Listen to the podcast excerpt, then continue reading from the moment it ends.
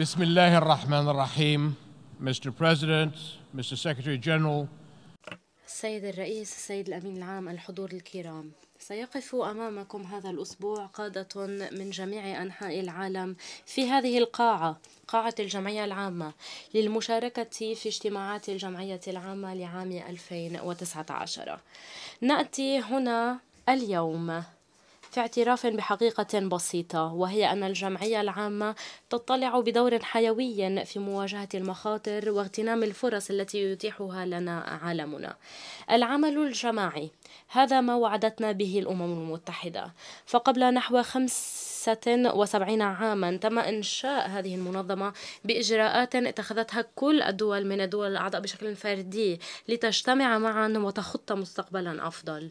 واليوم لا نزال بأمس الحاجة إلى كل دولة من الدول الأعضاء حتى تعمل جنبا إلى جنب مع الجيران من حول العالم للتوصل إلى عالم أفضل وأكثر أمنا وهو العالم الذي نصبو إليه فإن لم نتحرك الآن أي أمل يبقى لنا كيف سيبدو مستقبلنا إذا استمر حرمان ملايين الشباب من ثمار التكنولوجيا الجديدة وثروات العالم؟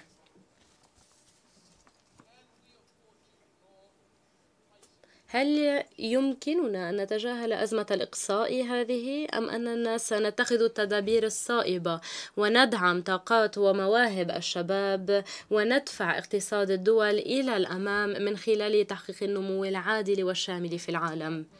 كيف سيبدو عالمنا إن لم نعمل معا من أجل بيئة صحية وآمنة؟ فالبلدان التي تعاني من شح المياه كالأردن تدرك مخاطر تغير المناخ والأزمة العالمية كهذه تتطلب تكاتفا دوليا فكيف يمكننا أن نبرر التأخر في العمل؟ فلنسأل أنفسنا لماذا ونحن في القرن الحادي والعشرين لا تزال الأزمات تتسبب في نزوح الملايين من البشر من حول العالم نشهد اليوم في جميع بقاع العالم. أكبر عدد من حالات النزوح القسري واللجوء منذ الحرب العالمية الثانية. كيف سيبدو عالمنا غدا إن لم نساهم في إنهاء هذه الأزمات ونمنح اللاجئين ومستضيفيهم على حد سواء الدعم الذي يحتاجون إليه لمواجهة المستقبل؟ وكيف يعقل في يومنا هذا أن يكون هناك من يهان ويقع ضحية بسبب عقيدته؟ فالفظائع التي ارتكبت في المساجد والكنائس والمعابد قد هزت ضمير الإنسانية. وعليها أيضا أن تهز الأفكار الإجرامية الظلامية من مختلف الإيديولوجيات التي تدفع إلى ارتكاب هذه الهجمات وغيرها. نحتاج إلى العمل الجاد من قبلنا جميعا لهزيمة الجماعات التي تدعو رسالتها إلى الكراهية وزعزعة الثقة. ولكن لن تتكلل هذه الجهود بالنجاح ما لم يكن للشباب والشابات في كل مكان مصلحة ودور في مستقبل إيجابي. فقوى العنف تستقطب الضعفاء وأولئك الذين تم إقصاؤهم. هل يمكننا أن نتخلى عن شباب العالم ونتركهم عرضة ولقمة سائغة في فم التطرف واليأس. أصدقائي للعمل الجماعي دور أساسي في إنهاء الأزمات والصراعات المريرة. ولم تتسبب أي أزمة بأضرار عالمية أكثر من الصراع المركزي في منطقة الصراع الفلسطيني الإسرائيلي. فلم يحقق أي من الجانبين السلام الدائم الذي يرتكز عليه المستقبل الآمن. وسيبقى الاستقرار الإقليمي والعالمي يدفع ثمن ذلك.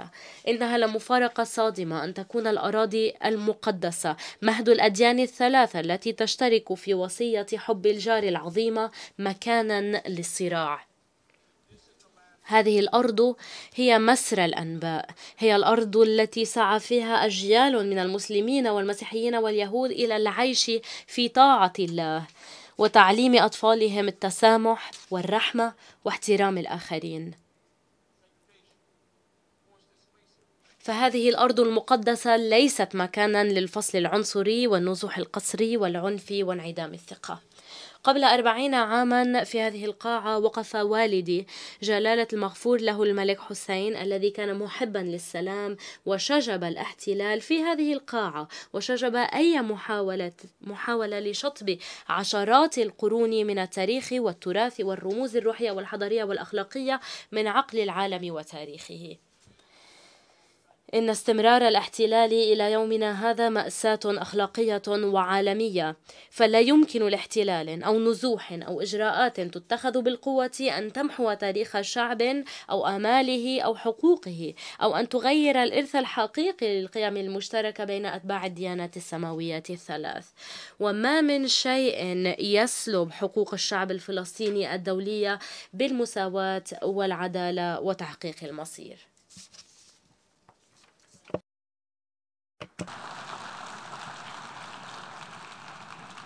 My friends, young people.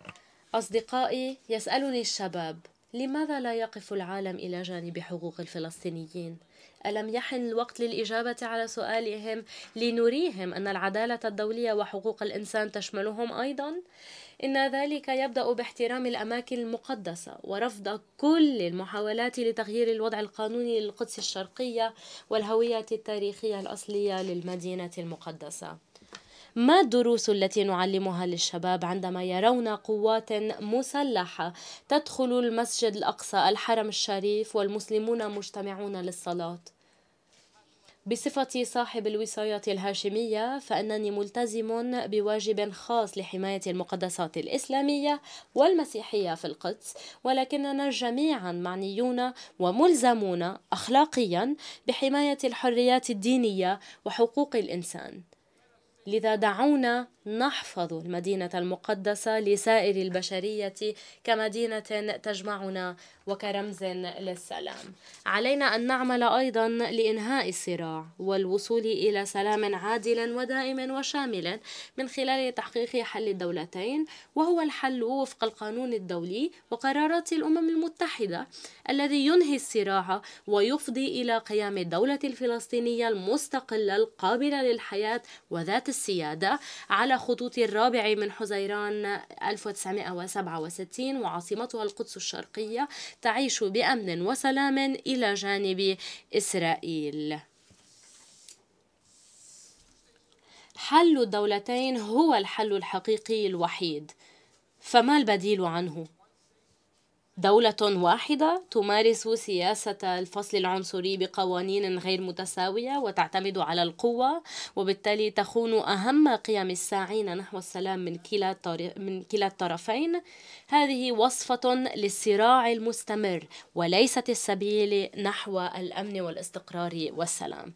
أصدقائي التسامح والتعاطف والمساواة بين جميع البشر هي القيم التي تجعل الوئام العالمي والعمل المشترك المشترك ممكنين. وهذه هي القيم ذاتها التي أنشئ على أساسها ميثاق الأمم المتحدة. أن نعيش معا بسلام ونلتزم بحسن الجوار وأن نحترم حقوق الجميع والمساواة بينهم وأن نجمع جهودنا ونوحد قوانا للحفاظ على الأمن والسلام ولتحسين حياة الناس من خلال العدالة والازدهار وتوفير الأمل للبشرية. هذه هي الواجبات الأخلاقية التي حددها مؤسسو الأمم المتحدة وهي الآن مسؤولية تقع على عاتقنا وعلينا ألا نفشل. والسلام عليكم ورحمة الله وبركاته.